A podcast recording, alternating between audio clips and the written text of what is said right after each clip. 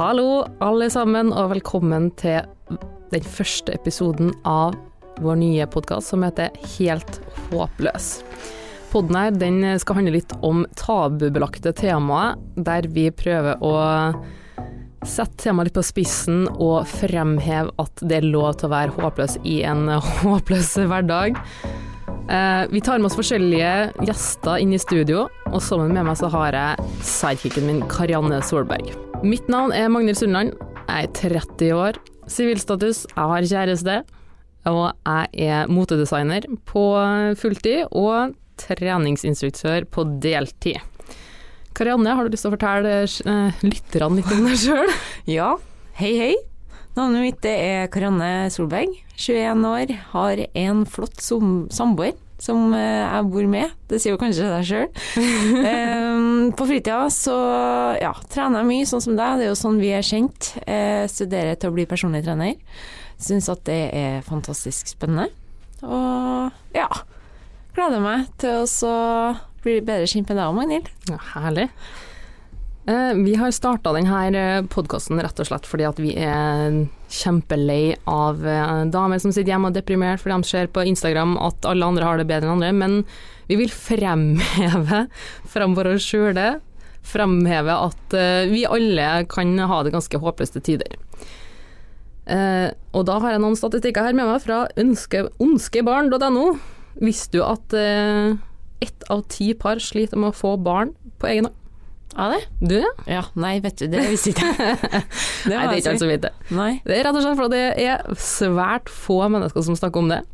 Uh, Sjøl så har jeg jo tippa 30 år, begynner å kjenne på litt den der eh, ok, bør man slå seg til ro, begynne å få barn og litt sånn forskjellig. Begynner å bli litt stressa.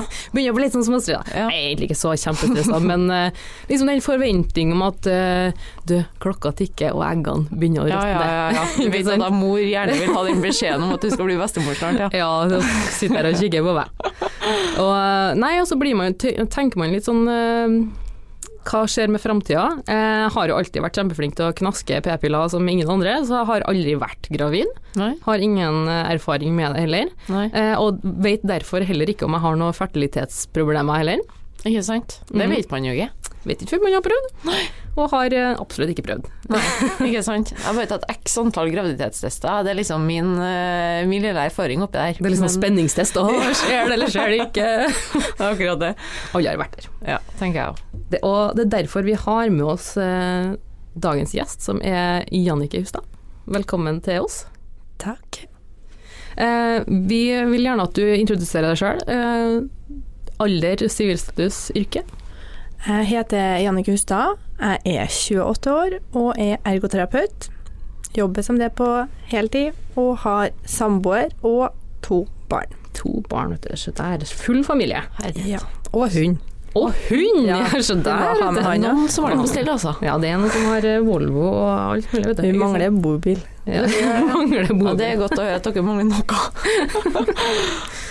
Ja, du, du nevnte at du har to unger, og så skulle jeg si hvordan var de laga, men det er kanskje litt mer raffinert spørsmål det, det kan du komme fram til. Ja, de ble lagd ved prøverør Prøverør, ja. på sykehuset. Så de var utafor magen før de kom inn, før de kom ut igjen. Ja, se der. Ikke sant.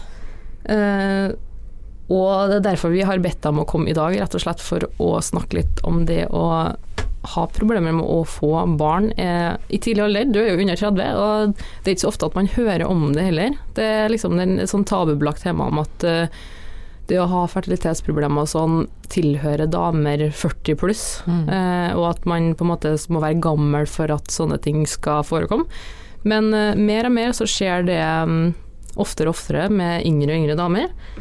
Eh, og så lurer jeg bare på Når var det egentlig du skjønte at du hadde utfordringer med å få barn? Hvordan eh, skjedde det? Ja, det starta vel alt tilbake til 2014, når jeg slutta på p-pillene, som Mm. jeg har gått på da i over ti år. Mm. Sant? Så jeg har heller ikke prøvd å bli gravid før det. Mm. Ikke blitt gravid før det. Så slutta jeg på p-pillene, og da kom det heller ingen menstruasjon. Oh. Uten menstruasjon er det mest sannsynlig ingen eggløsning, og uten eggløsning ingen barn. Nei. Ja. Det er enkelt regnestykke. Ja, kort fortalt. Men du stoppa på p-piller for at du ville bli gravid. Ja. Mm. Da hadde jeg tenkt at neste måned er vi gravid. Da er det i gang. Kanskje to måneder. Jeg, jeg visste ikke noe om at man kom til å bruke tid. Nei, ikke sant? Det var en selvfølge for meg. Det er jo noe som man tar veldig for gitt, da, Ja. på en måte. I hvert fall når man er så ung. At Ja. eh, det er ikke noe problem.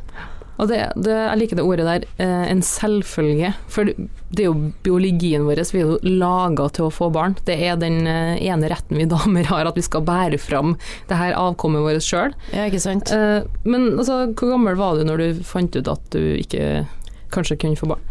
Ja, da var jeg vel 23 23? Ja. Da slutta jeg på p-pillene, ja, og ikke fikk den eggløsninga, da. Så um, da Først visste vi jo ikke at det ble vanskelig. Så Nei. da var det liksom annenhver dag, da, nesten med eggløsningstester og graviditetstester fordi du verken ble gravid da, eller eh, fikk menstruasjon. Mm, Så det var mye tester. mye testing. Mye testing. Um, så gikk det et halvt år før jeg ble, tok kontakt med privat gynekolog. Uh, for legen gjorde egentlig ikke så mye i starten. Mm. Litt sånn det går seg til. Mm. Det kommer etter hvert, sikkert. Mm. Og det vi fikk beskjed om. Og da, ved en ultralyd innvendig, så så man at her er ikke ting sånn som det skal være. Mm. Um, det var lavt med østrogen i kroppen, det var tynn slimhinne.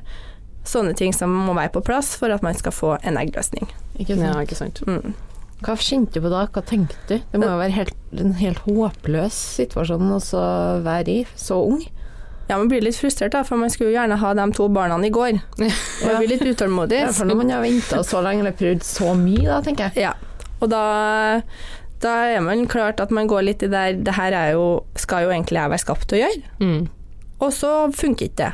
Og det tærer på psyken, og det tærer på forholdet, og klart, jeg som dame er kanskje litt mer stressa da, med å få det her til å fungere, når jeg først hadde planlagt at det skulle skje. Mm. Fikk du en slags Eller kjente du noen gang på noen sånn skyldfølelse overfor kjæresten din? For det er jo lett at man tar det på sin kappe, på en måte. Kan jeg se for meg da, som kvinne Mm. som må ta de her tidsstandene? Ja, absolutt. Men det blir jo litt sånn det her er min feil, og grunnen til at vi etter hvert da ble å bruke masse penger, Mm. var også på en måte min feil. Glad for at vi delte den utgiften på to. Ja, for det er penger inni det her òg, altså. Ja, det, det er det.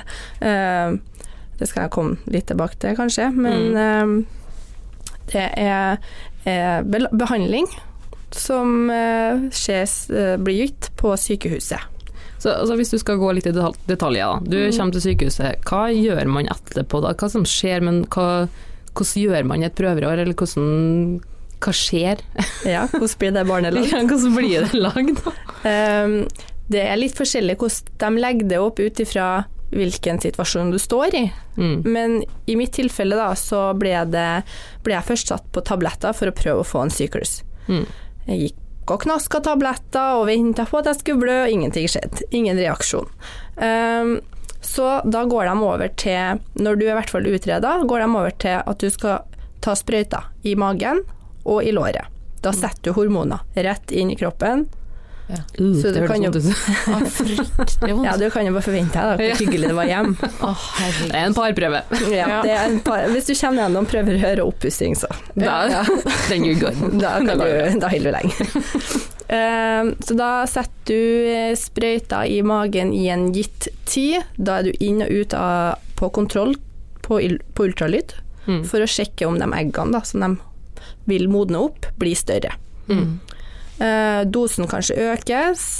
Du er inn etter tre dager igjen. Kanskje må du øke dosen igjen. Mm. Og til slutt så velger de å ta ut de eggene med en dagkirurgi. Mm.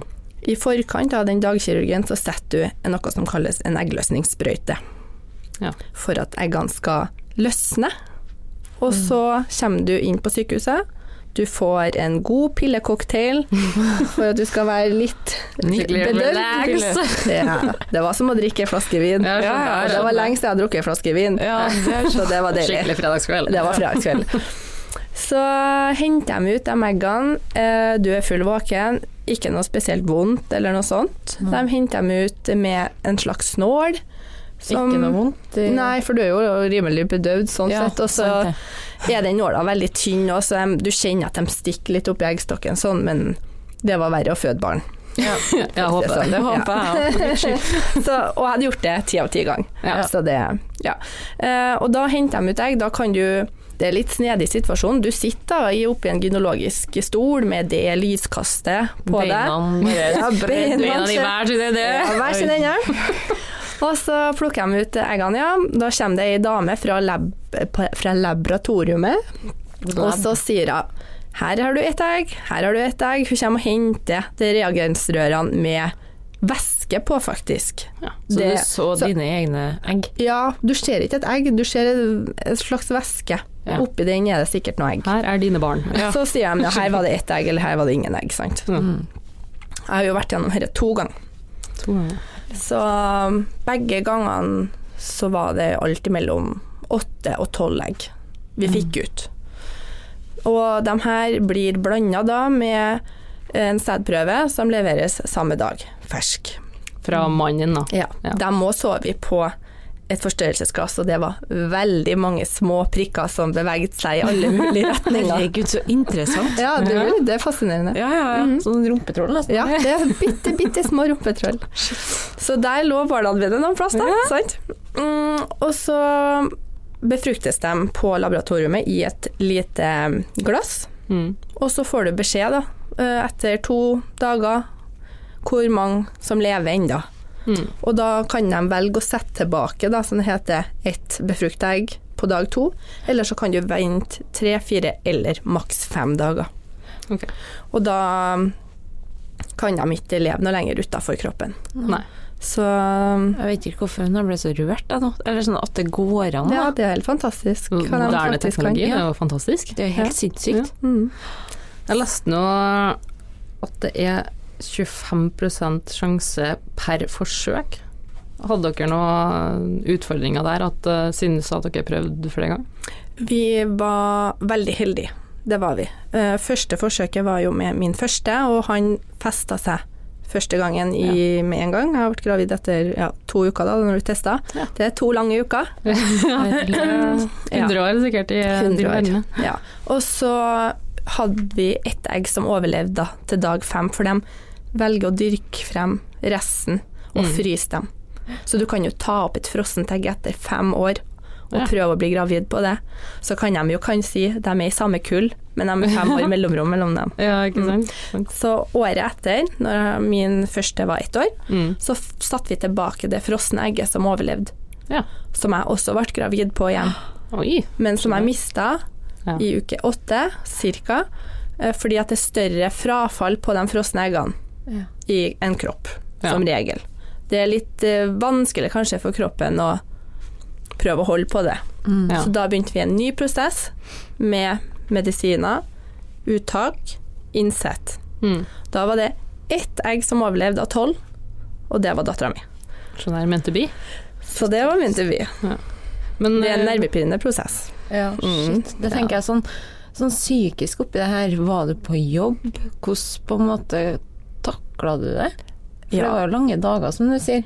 Ja, jeg valgte å være på jobb av at dagene blir altfor lange hvis ikke. mm. Det som var en utfordring for meg, da, var å ikke kanskje trene så mye som jeg bruker å gjøre, være så aktiv som jeg ønsker, fordi man bør kanskje roe ned litt, sant. Mm. Så å finne andre hobbyer og andre interesser oppi det her, da, for å få tida til å gå, Mm. det kan være litt utfordrende Mm. for dem som har det sånn som meg, i hvert fall.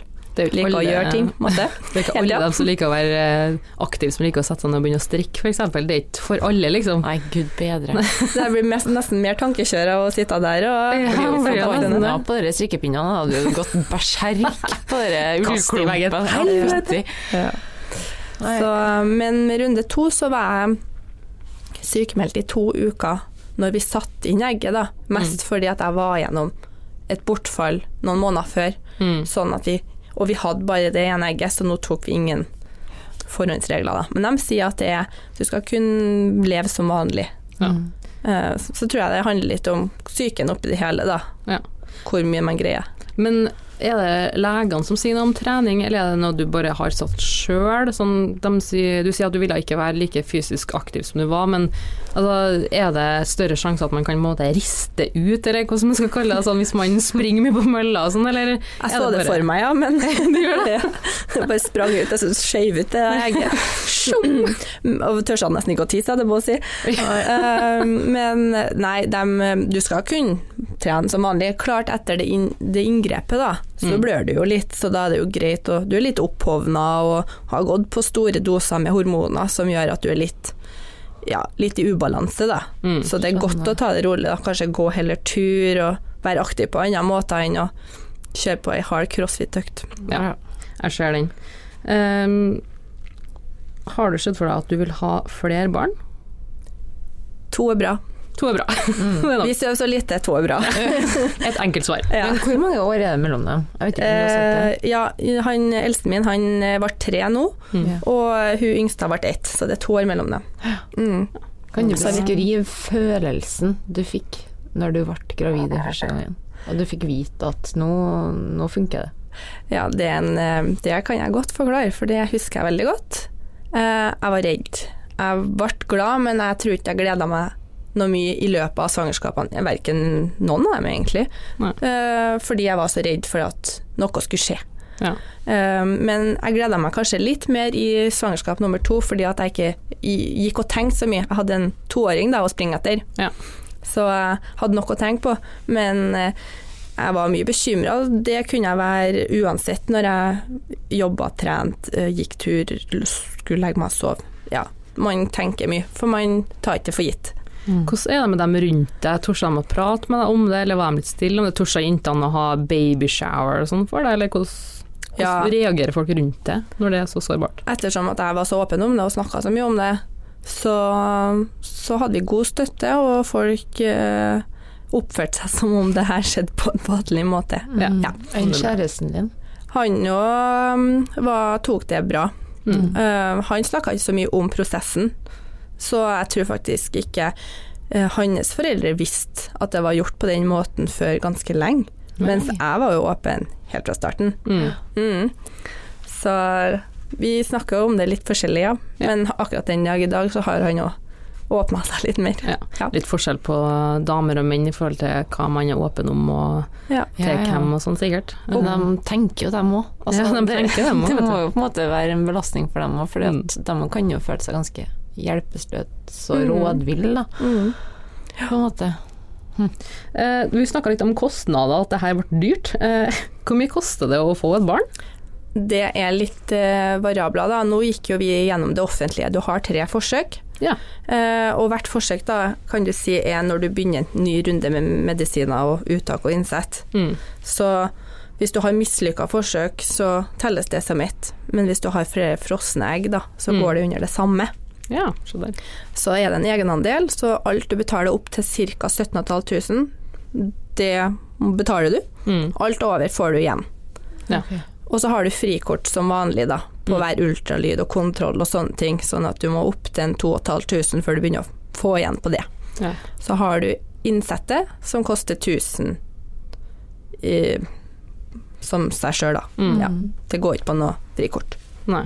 Så du kan jo si hvert barn ligger på en sånn 20 000, da. Ja. Altså, jeg skulle ikke si at det er nesten som å kjøpe seg en hund, men det blir kanskje litt for ille å si det. Men, ja, eh, litt forskjell. Men jeg vil nok tro at til folk som vil ha barn, at 20 000 er ingenting. Absolutt ikke. Eh, og for å få seg et barn, det er absolutt eh, verdt det, vil jeg tro. Og jeg syns at vi er utrolig heldige som lever i et land der vi har de mulighetene og gjør det via det offentlige, Mm. eh, kontra andre land der du må gjøre alt privat og betale 100 000 for å Mm. kanskje få et barn. Ja, og jeg tror nok dem som går privat og betaler mer, det er nesten sånn tre for to-deal. Mm. Mm. Få tre forsøk til prisen av to, men Ja. lykkes du på én, så får ikke du det andre. Jeg tror det er litt sånn. Har dere noen gang diskutert om det her ikke gikk, hva ville dere gjort da? Hadde dere noen plan B, eller var det her Vi hadde ikke noe mye plan B der og da, nei. Nei. Det hadde sikkert blitt det etter hvert, men siden ting gikk litt i smekk, smekk, smekk etter hvert, så Ja. ja, ble det ikke noe tanke på det. Men hadde jeg kanskje bare fått ett barn, så kunne det vært at det ble bare ett. Ja. Mm. Har du noen gang fått noen forklaring på eh, hvorfor du hadde de problemene her? Er det pga. genetikk? Er det pga. noe Vet man hvorfor det her skjer? Jeg tror det er sammensatt eh, livsstil der og da, kanskje. Det var et halvt år etter jeg har stilt i bikinifitness. Ja. Det tukler mye med hormonene. Mm. Um, jeg har alltid vært ganske stressa av meg som person, Mm. Uten at det nødvendigvis har vært negativt, men en indre stress kan også påvirke hormonbalansen mer enn man tror. Mm. Um, og i tillegg at jeg hadde akkurat gått av p-pillene. Ja. For eh, faktisk for bare en måned siden så tok jeg nye blodprøver, og nå er liksom hormonene mine bra igjen. Herlighet. Ja, så, så da- det er jo fire år siden, sant, sist. Så da prøver. vil du i teorien kanskje ikke trenge å ta prøverør igjen hvis du ikke må, da? Ikke etter hvert, i hvert fall. Skjønner. Mm, så man må det, Ting tar tid med kroppen mm. og balanserer seg igjen, Ja. men um, det vil kanskje etter hvert rette seg hvis det er av sånne grunner, da. ja. Mm. Men Så- helt konkret hva det er som forårsaker det, er vanskelig å si. Hormonene dem er veldig ømfintlige. Um, Kommer du på noen spesielle episoder der du kjente deg skikkelig håpløs eh, under denne prøverørsperioden? Jeg tok jo lett til tårene i mange, eh, mange episoder. Ja. Eh, Du føler deg liksom ikke helt som deg sjøl, og du er ekstremt hormonell. Mm. Men jeg har noen, ja, men jeg har noen artige episoder da, der jeg skulle til Oslo og hadde med meg den eggløsningssprøyta som måtte ligge kaldt, så jeg hadde den i en isoporboks. Mm. Det måtte jo fraktes med seg gjennom håndbagasjen. Og jeg hadde med skriv om at eh, det var medisin Mm. som de kikka på. Så da går jeg rundt da på flyplassen med den isoporboksen med ei sprøyte oppi. Så jo ut som eh, jeg gikk rundt med ei bombe. Jeg følte jeg fikk så mye blikk.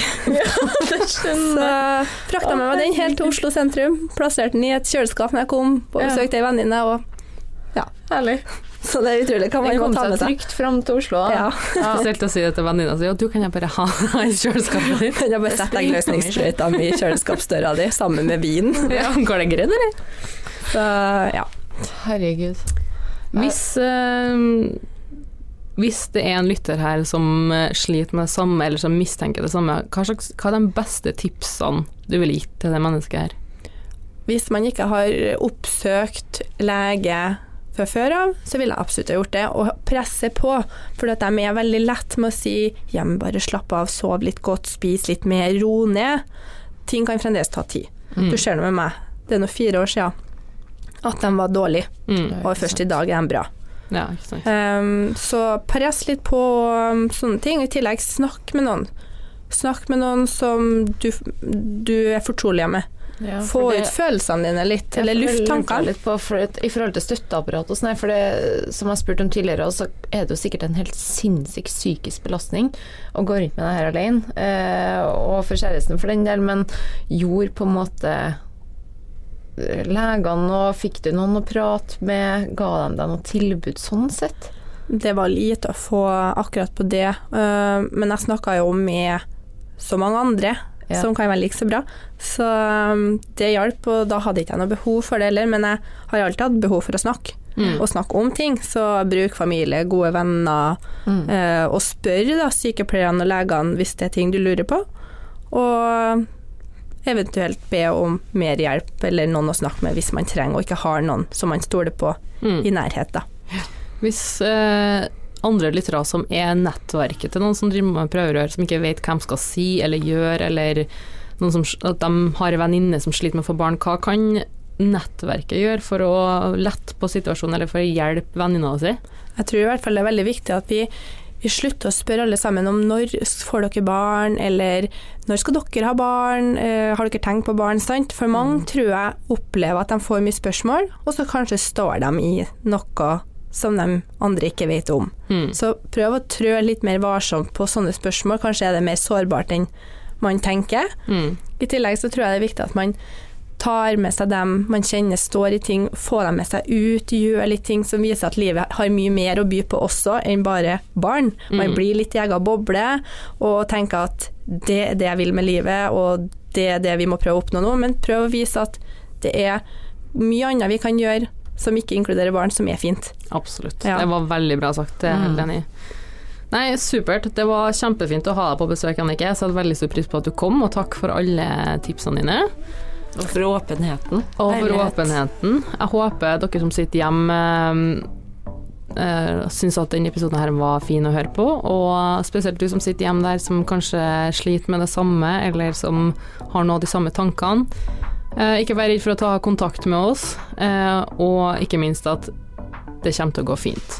Kroppen din den håndterer det meste og kan resette seg, som dere ser. Og hvis ikke så finnes det eh, mange veier til rom. Det å få seg barn det kan løses på andre metoder også. Det kan være til å adoptere, bli fosterforeldre og ja, andre metoder til å få seg barn.